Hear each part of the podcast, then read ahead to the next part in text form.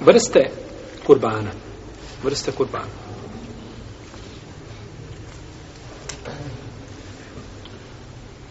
Islamski učenjaci su složeni da imamo dvije vrste kurbana. A to je kurban koji je sunnet i kurban koji je vađiv.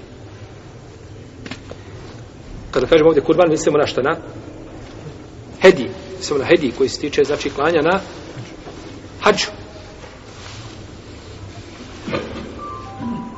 Prvo, hedi čovjeka koji obavlja temetua ili qiran. Temetua kod sve uleme mora, znači, klati. Femen temeta bil umrati ila l-hađ, feme stejsara min al-hedi.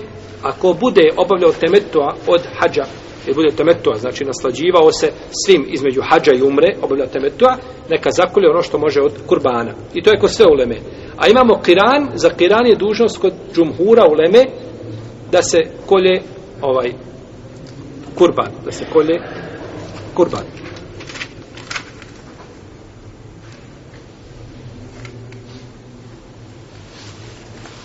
Dalje imamo hedi ili kurban za iskup za iskup. To je za čovjeka koji obrije glavu radi bolesti ili drugog razloga. Temen kane minkum maridan, evo bihi edhe min rasihi, fe fidjetun min sijamin, evo sadakatin, evo nusuk.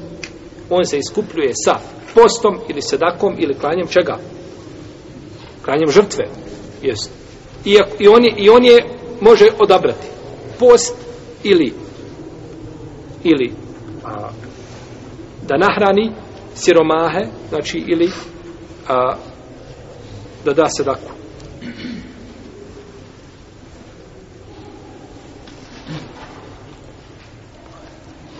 Džumhur Uleme kaže, kaže ovdje ulaze i propisi onoga ko a, ko učini zabranjenu stvar dok je u ihramima.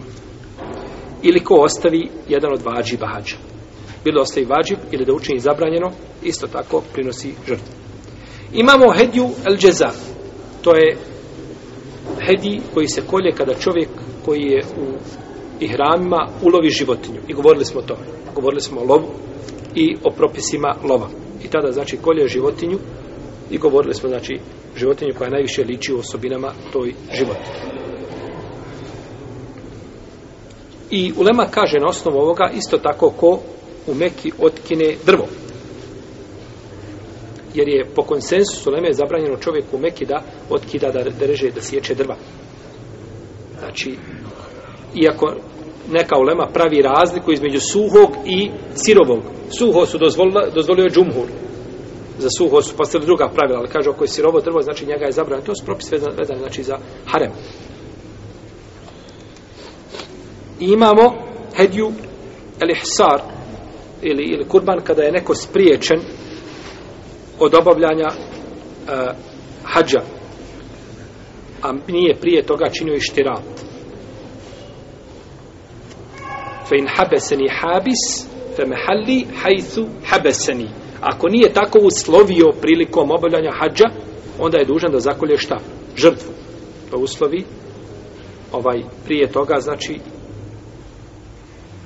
fejnu sirtum feme stejsara min al-hedi. Tako kaže uzvišeni Allah. Ako budete spriječeni, onda zakoljite ono što vam je lahko od kurbana, od hedije.